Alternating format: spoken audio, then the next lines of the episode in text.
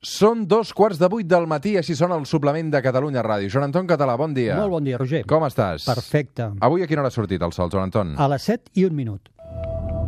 3, 2, 1, seganya!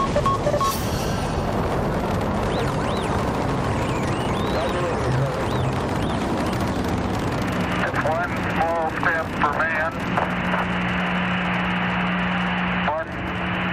complete, Samantha. Joan Anton Català, guia d'observació del cel per nois i noies. Aquest és el llibre que no ens cansem de recomanar. El va publicar fa tot just uns quants dies. El trobeu de seguida a les llibreries Cossetània Edicions i és un llibre molt didàctic, un llibre que reflecteix d'alguna manera, no només per nois i noies, sinó també per adults, mm -hmm. reflecteix l'esperit d'aquest La Terra es plana, l'espai de ciència i d'astronomia que fem cada diumenge al suplement a l'hora que surt el sol o una mica més tard, com ara Exacte. passa, perquè el sol ja surt a les 7 del matí. Joan Anton, um, has vist com t'he colat la falca aquí, eh? No, t'estic superagraït. Prometo a tots els oients que no tinc comissió ni Bueno, tinc és la, cervesa, ni és la cervesa de després. La Coca-Cola, sí, va. Uh, Joan Anton, aquesta setmana, uh, primer una efemèride abans d'entrar en matèria, una efemèride que té a veure amb una mort fa un any, 14 de març de l'any passat va morir Stephen Hawking.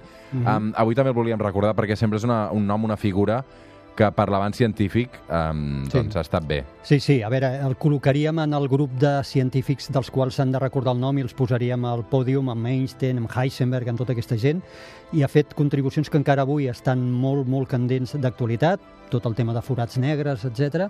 I tot i que sí que se li ha donat importància, torna a ser una altra d'aquelles figures que se'n va d'aquest món sense un Premi Nobel, perquè, a més, el Premi Nobel no es dona a títol pòstum, no es dona a personatges que hi hagin traspassat, i se n'ha anat d'aquí havent fet enormes contribucions i descobriments sense un Premi Nobel. Una Mm. llàstima.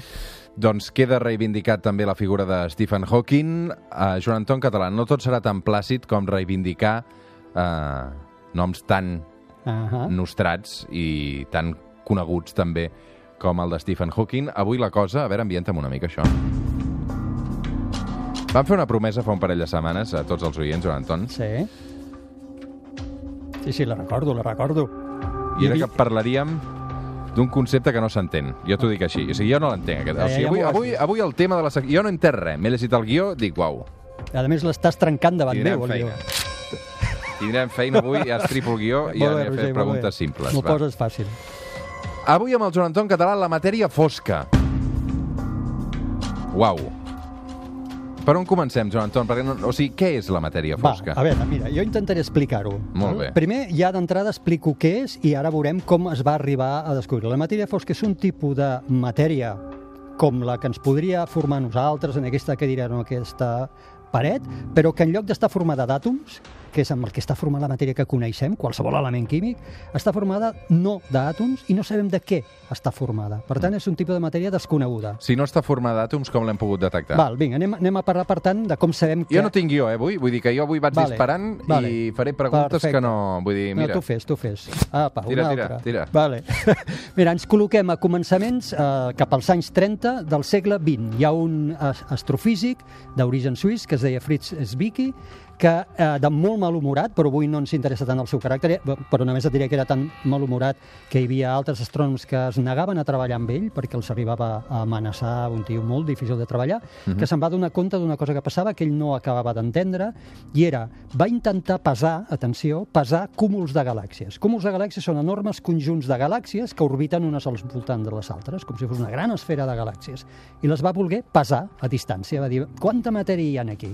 I ho va fer de dues formes. Una, mirant la llum que rebia del cúmul de galàxies. Tot i que les galàxies són totes elles diferents unes de les altres, més o menys va pensar, si jo puc calcular el total de llum que arriba, em podré fer una idea de quanta matèria hi ha en aquestes galàxies, perquè la matèria acostuma a emetre llum quan està calenta. Molt bé, això és una, un mètode. I l'altre mètode que va utilitzar és, i a més, anem a mesurar com de ràpid giren les galàxies dintre d'aquest eixam que forma el cúmul. Perquè sabent lo ràpid que giren, puc calcular precisament quina és la matèria que hi ha, perquè això ho diu la física. Tanta matèria, les galàxies han de girar en una velocitat determinada per no fugir o per no caure, eh, per mantenir-se estables. I va fer les dues coses. Va començar a mesurar com de ràpid giraven aquestes galàxies en un gran cúmul i eh, com era la matèria, quanta, quanta llum ens arribava i, per tant, quanta matèria lluminosa hi havia. I quan va comparar els dos resultats, va veure que no coincidien. Fins aquí cap problema, perquè un podria, home, és normal que no coincideixin. Primera, perquè són mètodes aproximats. Després, perquè no és veritat que tots els El meu subjectes... cervell va retenint coses, va, va, va, també vull fer preguntes, Vale, eh? vale. Quan vulguis tallar-me, em talles. No, no, o sigui, de Però- moment m'he quedat en pesava cúmuls de galàxies. Val. El concepte està divertit. Sí, és molt divertit. Llavors, eh, no totes les, eh, les coses que hi ha en una galàxia emeten llum. Per exemple, els planetes, si, si es reflexen, sí, no? Però la qüestió és que no és que desquadressin els resultats d'una o de dues vegades. No és que la matèria fos el doble calculada o el triple d'una forma que... És que desquadraven de 400 vegades. És dir, la matèria que es calculava d'aquest gran cúmul de galàxies, quan es mirava com de ràpid giraven les galàxies, donava un valor de la matèria total que hi havia allà 400 vegades superior del que donava el mètode d'estimar la matèria que hi havia només mesurant la llum. 400 vegades. Per tant, era clar que no era un error de càlcul. Era clar que hi havia alguna cosa que havia d'explicar aquesta enorme diferència. I aquesta cosa era una matèria que ell va dir, li va, la va batejar Dunkel en alemany, és la paraula per referir-se a negre, a, a fosc, Dunkel, no a negre, sinó a fosc, i es va dir matèria fosca, volguem dir, no sabem què és, però sabem que ha de ser en allà. És la matèria que fa que aquestes galàxies girin de la forma que girin i ens donguin aquest càlcul Uh -huh. eh, que ens donen de matèria, tot i que no emeten llum, perquè quan mesurem la llum que ens arriba de totes aquestes galàxies, el càlcul ens surt 400 vegades inferior. A veure, ara faré una pregunta una mica Digues. absurda, potser, però... Sí, vull dir, la imatge gràfica, així com jo peso els 100 grams d'espaguetis Sí. abans de posar-los a bullir, eh, Uh -huh. com es pesa una galàxia? Clar, eh, llavors, com que no t'hi pots desplaçar ni li pots posar una balança, el que fas és això, el que fas és veure com de ràpid giren, per exemple, les seves estrelles. En aquest cas, ell, més que una galàxia, ell el que pesava era un conjunt de galàxies que giren, val? Doncs eh, tu agafes i, sabent la velocitat a la que gira aquest eixam, pots calcular, és un, eh, físic per llei física, igual com sabent lo ràpid que gira un planeta, pots calcular la massa del, del, del Sol i la massa dels planetes, doncs aquí ell podia calcular, podia estimar la massa de tot aquest cúmul. Quan ho feia així, la massa era 400 vegades superior a la que... Molt bé, um, d'acord. Fa aquests càlculs. Molt bé. Uh, pesa cúmuls de galàxies. Ho fa... Perfecte. Uh, calcula, fa l'extrapolació. Exacte. Sense errors de càlculs, calculem. O algun, però... Molt bé, assumible. Veu que li surten uns resultats estranys. Exacte, quan compara els dos mètodes, el Sí. mètode de calcular per la llum que rep i, o calcular per la velocitat a la que es mouen. Aquests resultats estranys li posa l'etiqueta de matèria fosca o a quines Sí. conclusions arriba? Arriba que perquè sigui possible aquesta gran diferència ha d'haver-hi un tipus de matèria que no emet llum. Aquesta és la raó per la qual l'estimació que es fa mesurant la llum és molt baixa, no dona resultat d'aquesta matèria, una matèria que no emet llum, però que hi és, i que actua gravitatòriament, i que fa que les galàxies girin molt més ràpidament del que haurien de girar. Avui amb el Joan Anton Català i sense guió estem intentant descobrir què és la matèria fosca. Ei, tu carregant el guió.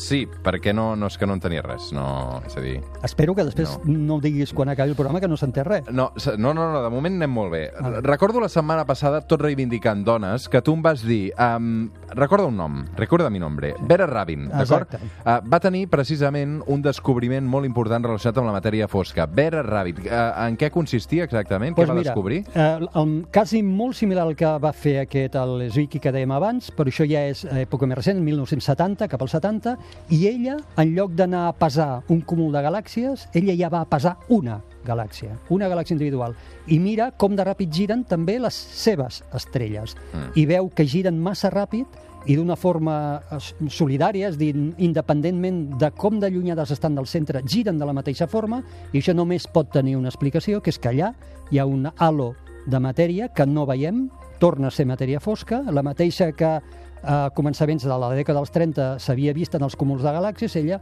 ho troba a la galàxia. Un tipus de matèria que no veiem, que no sabem de què està feta, però que hi és, ha de ser-hi, mm. perquè giri així la galàxia. Molt bé, estem parlant molt del passat, d'acord? Perquè això Sí. fa unes quantes dècades enrere, eh? Exacte, això ara fins, a, fins Un ara estàvem als 70, Molt bé. l'any 70. Els anys, Vera Rabin és del 70, eh? Sí. Molt bé. Um, han passat, doncs, com a mínim 4 o 5 dècades. Exacte. D'acord? Eh, Hem avançat o estem en el mateix punt? No, no, hem avançat bastant, eh? Eh, Hem avançat bastant. Per exemple, la teoria del Big Bang, Sí. a nivell teòric, quan l'hem anat analitzant i l'hem anat desgregant, és compatible perfectament en que existeixi aquest tipus de matèria. És a dir, quasi que la necessita perquè aquesta teoria de la relativitat pugui funcionar bé a l'escala de l'univers. Això és una cosa. Segona, hem fet un descobriment brutal que diu, no, no, sí que hi és, sí que hi és enllà, que es diu lent gravitacional. La lent gravitacional funciona de la següent forma, a veure si ho aconsegueixo explicar. Si jo miro en telescopis, en instruments, una galàxia llunyana, i al darrere d'aquesta galàxia n'hi ha una encara molt més llunyana, la qual no puc veure de lo lluny que està, la llum d'aquesta última, quan ha d'arribar als meus instruments, ha de creuar pel lloc de l'espai que ocupa aquesta primera galàxia. I la gravetat eh, fa que el- els ratjos de llum es desviïn, cosa que ens va demostrar l'Einstein. Què passa? Una galàxia que estava molt lluny al darrere d'aquesta, que jo no podia veure, sí. ara a mi m'apareix amb els meus instruments com uns arcs de llum, unes distorsions de llum que rodegen en aquesta galàxia que hi ha en un primer pla. De forma que aquesta galàxia que hi ha en primer pla està actuant com si fos un, un microscopi, una lent d'augment d'aquesta galàxia que hi havia al darrere. Doncs si això mateix, en lloc d'una galàxia propera, hi ha matèria fosca en el camí d'aquesta galàxia tan llunyana que no puc veure cap a mi, aquesta matèria fosca desviarà la llum i farà que jo pugui veure. Aquesta galàxia tan llunyana que d'altra forma no l'hagués vist, també la veuré distorsionada i podré calcular que allà al mig la llum ha hagut de travessar un lloc on hi havia un munt de matèria que no sóc capaç de veure, mm. que és la matèria fosca. Tu creus que el càlcul de quanta matèria fosca hi ha a l'univers, a vegades faig preguntes que jo realment em sorprenc a mi mateix, eh? Es pot calcular quanta matèria fosca Sí. hi ha a l'univers? Sí, sí, sí, es pot, es pot. De fet, a nivell teòric ho podem estimar, però després, a nivell pràctic, també, perquè tu recordes que alguna vegada n'havíem parlat de la radiació eh, eh, còsmica de fons, que és de microones de fons, que és aquesta... No et passis, eh? Radiació còsmica de fons. Aquí m'has colat un concepte que tel, eh? Ah, ja, ja n'havíem parlat. Era aquell, aquell eh, reverberació del Big Bang, que Sí. és una radiació, una radiació Uh -huh. que la tenim per tot arreu, que encara avui doncs, està per aquí, que la veiem als nostres televisors antics en forma de neu, d'aquelles eh, interferències. Estudiant aquesta radiació, eh, hem vist l'empremta de la matèria fosca. Eh, ara seria molt complicat explicar-ho, però hem vist l'empremta. Per tant, eh, no només estem veient l'efecte que fa, sinó que estudiant la radiació còsmica de, de microones podem saber que realment aquesta matèria fosca està allà fora. Um, doncs eh, la xifra no la tens, no? Sí, sí, sí, sí Ah, la tinc. tens la xifra. Sí, sí, 85%, 85 de tota la matèria que hi ha a l'univers Uh, és que no sabia que estaves per la xifra. De tota la matèria que hi ha a l'univers, un 85%... És que no, no l'enganxo mai, el Joan Anton. No, sí, sí que m'enganxa, que me'n surto com puc. Un 85% de tota la matèria que hi ha a l'univers està feta de matèria fosca. Fixa't-hi. Més de la meitat de l'univers és matèria fosca. Moltíssim més. Vol dir que no coneixem res. Si en això li sumem l'energia, perquè ara només estem parlant de matèria, però Sí, saps sí. sí. que matèria i energia és, la, una, és la, dos cares de la mateixa moneda, si sumem aquí energia, només un 4, 4% del contingut del nostre univers està format d'estrelles, planetes, galàxies, mosquits, roques i persones. Som al Suplement, som a Catalunya Ràdio, això que sona és la Terra es plana. Avui un capítol dedicat a la matèria fosca. Fins ara, i sense guions, eh? perquè no, no, no, fins ara i sense guions, Sí, encara queden fulls. Hem... Sí. Espera't un moment. Hem aconseguit explicar a tots els oients, jo crec, què és la matèria fosca, i jo crec que s'ha entès força. Va, espero. D'acord? S'ha entès força. Sabem, per exemple, que el 85% de tot l'univers és matèria fosca. Ahà. També s'entén que hi hagi personatges com els que tenim, també, en Ah, sí, país. així Ara- s'expliquen moltes donem una coses. mica de coherència. Molt bé. Anem al segon, la segona part, que també és molt interessant. Teories. Teories sobre la matèria fosca. Veu, veu, veu, veu, agafa aire, agafa aire, Joan Anton Català. Agafa aire. Teories sobre aquesta matèria fosca. D'acord? Som-hi, va, primera. Perquè, clar, seguim sense saber què és. Llavors, eh, sabem que és allà per, per tot això que t'he explicat, però no sabem de què està feta i volem saber, lògicament, de què està feta. Primera teoria, que està formada per eh, forats negres i neutrins. Els neutrins són partícules de molt poca, apenes massa, que són capaces de travessar la matèria. De fet, ens estan atrevessant constantment tot el planeta i a nosaltres, i que són, per tant, molt difícils de, de detectar. I els forats negres, els famosos forats negres, són tots dos coses difícils de detectar, que no emeten llum i que, per tant, podrien formar part de, podrien donar aquesta massa que falta. Lamentablement no creiem que sigui així perquè treballant en aquesta hipòtesi veiem que el nombre que hi hauria d'haver de neutrins, però sobretot de forats negres, hauria de ser molt més gran del que estem detectant a l'univers. Per tant, aquesta teoria més o menys la descartaríem Sí. en aquest moment. Següent teoria, unes partícules subatòmiques que encara no hauríem descobert, que se'n diuen els WIMPs, que els WIMPs ve de l'anglès Weakly Interacting Massive Particles, que vol dir partícules que interaccionen eh, feblement i que eh, estem buscant en els acceleradors de partícules. Per exemple, sota el CERN, fent col·lisionar protons, estem generant energies suficients com perquè, en el cas d'existir aquestes partícules, es puguin formar allà dins. De moment encara no les hem detectat.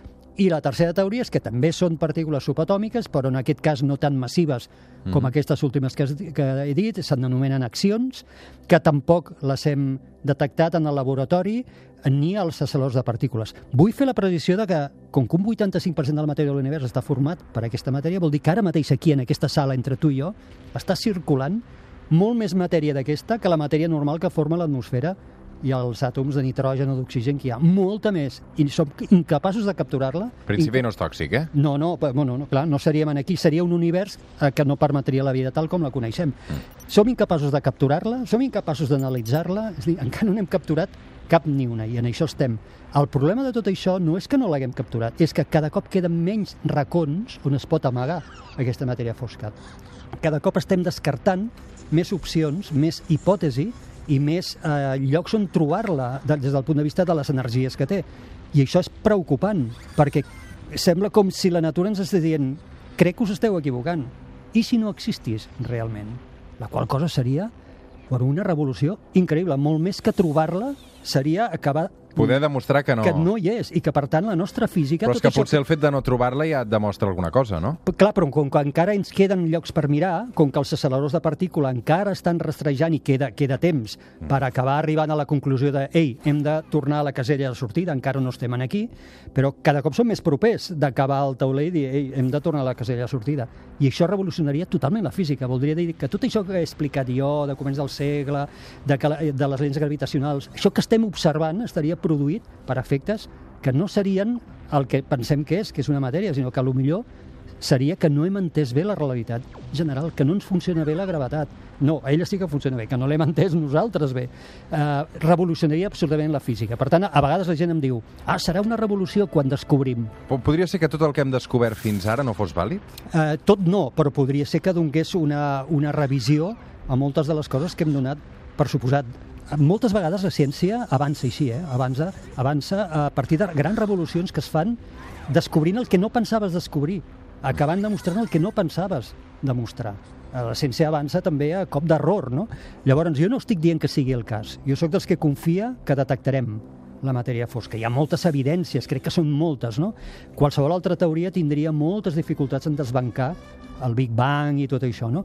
Però dit això, si passés, si arribé, arribéssim a la conclusió de que no és matèria fosca, que no hi ha res, eh, eh, revolucionaríem tota la física.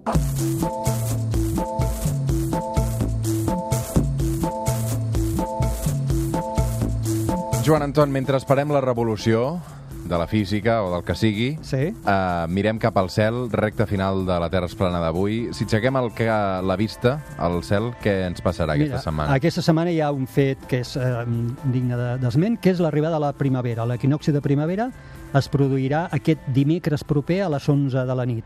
Això és el dia, recordem els equinoxis, n'hi ha dos, el de primavera i el de tardor. Són els dos únics dies a l'any en què el sol surt exactament per l'est i es pon exactament per l'oest. Jo convido la gent a que o dibuixi o fotografiï per on surt el sol o on es pon el sol amb l'skyline que tingui, sigui ciutat o sigui poble, i que torni a fer aquesta mateixa fotografia o aquest mateix dibuix o simplement s'ho anoti, torni a fer-ho d'aquí uns mesos i veurà com el sol ja surt en una, i es pon en una situació diferent. Molt bé, um, Joan Anton, um, moltes gràcies per tot. Per cert, m'estic llegint el capítol del, del teu llibre, um, del Quin- quina- guia d'observació del Eh? cel per nois i noies, grans i petites. Em fascina molt, eh, referent a, la, al, a les estrelles, Vale, en aquest vale. cas. Eh? Diu, malgrat que les estrelles estan fetes totes elles mateixes dels mateixos components, es pot trobar a l'univers una veritable col·lecció de mides, des d'estrelles nanes, molt més petites que el Sol, fins a supergegants enormes que fan empetitir la nostra estrella. Tot això també ho trobareu en format podcast, perquè en vam parlar de les estrelles també al Exacte, suplement. La sí. Terra és plana, entreu al suplement i ho trobareu també. Uh, Joan Anton, una abraçada ben forta. Igualment, gràcies, Vinga, Roger. va, pausa i tornem al suplement.